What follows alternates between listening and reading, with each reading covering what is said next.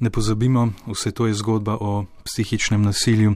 Veliko jih je zapisanih na spletnem portalu Medovrnet, šesti del. Policisti so tam že lahko našli vsa imena in zelo natančne opise poteka goljufij. Imena organizatorjev sploh niso več pomembna. Tudi po našem mnenju gre za goljufijo, kot jo definira kazenski zakonik. Primoš Cimerman Medovrnet razlaga, da je pred leti tudi sam želel raziskati trditve o mnenjih na forumu in skušal kontaktirati organizatorje tečaja, da bi jih obiskal in sam preveril navedbe v forumih.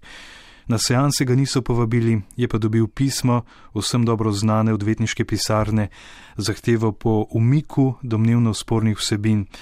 Organizatorjem naj bi povzročal poslovno škodo. Rekel, ja, normalno, da povzročamo poslovno škodo, če pa ljudi odvračamo, da bi dal 25 tisoč evrov za en natek. Ne? Zahtevki odvetniških pisarn po umiku komentarjev niso imeli niti pravne podlage. Zahtevali so osebne podatke o piscih. Seveda, ta osebni podatek je možno dobiti samo preko sodišča. Prav, oni morajo tožbo vložiti, sodišče mora postopek dati, dati na policijo in policija mora s sodnim nalogom prijeti sem in dobiti potem te podatke.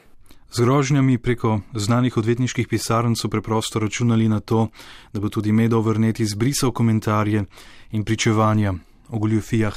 In čim je tišina, se nič ne ve in oni lahko mirno naprej delajo. Uh-huh. Bolj ko smo glasni, več je možnosti, da bo ljudje na to naleteli, ne? ker večina teh ljudi tudi interneta nimajo. Ne? No in potem jim jasno vzameš nek. Neko tisto idejo o business caseu. Ne? In jasno, odvetniško pismo je predvsem neke vrste pritisk. Na medovrnet je ta hip zbrana najbolje dokumentirana zbirka pričevanj, tudi imen organizatorjev. Kriminalisti tam ne bi smeli imeti veliko dela. Če samo tisto prebereš, pa si ustvari sliko.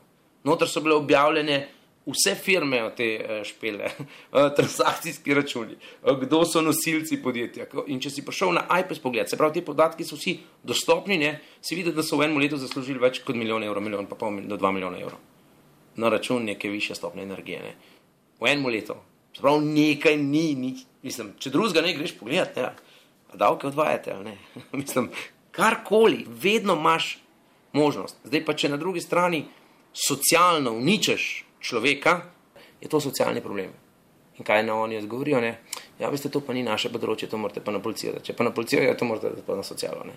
Spravo, nobenemu se ne zdi vreden s tem ukvarjati, če ni dosti medijske pozornosti. Zato smo pripravili oddajo. Zdaj lahko kaj storite tudi vi, če poznate ljudi, ki iščejo duhovnost in zato plačujejo velike vsote denarja. Poiščite pomoč, kontaktirajte policijo, njihova številka je 113, anonimna pa nič 8 nič 12 nič nič, zapomnite si te številke.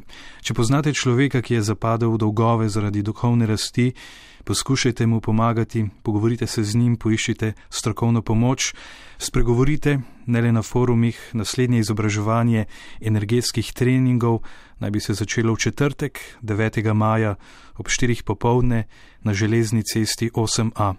Upamo, da se to ne bo zgodilo.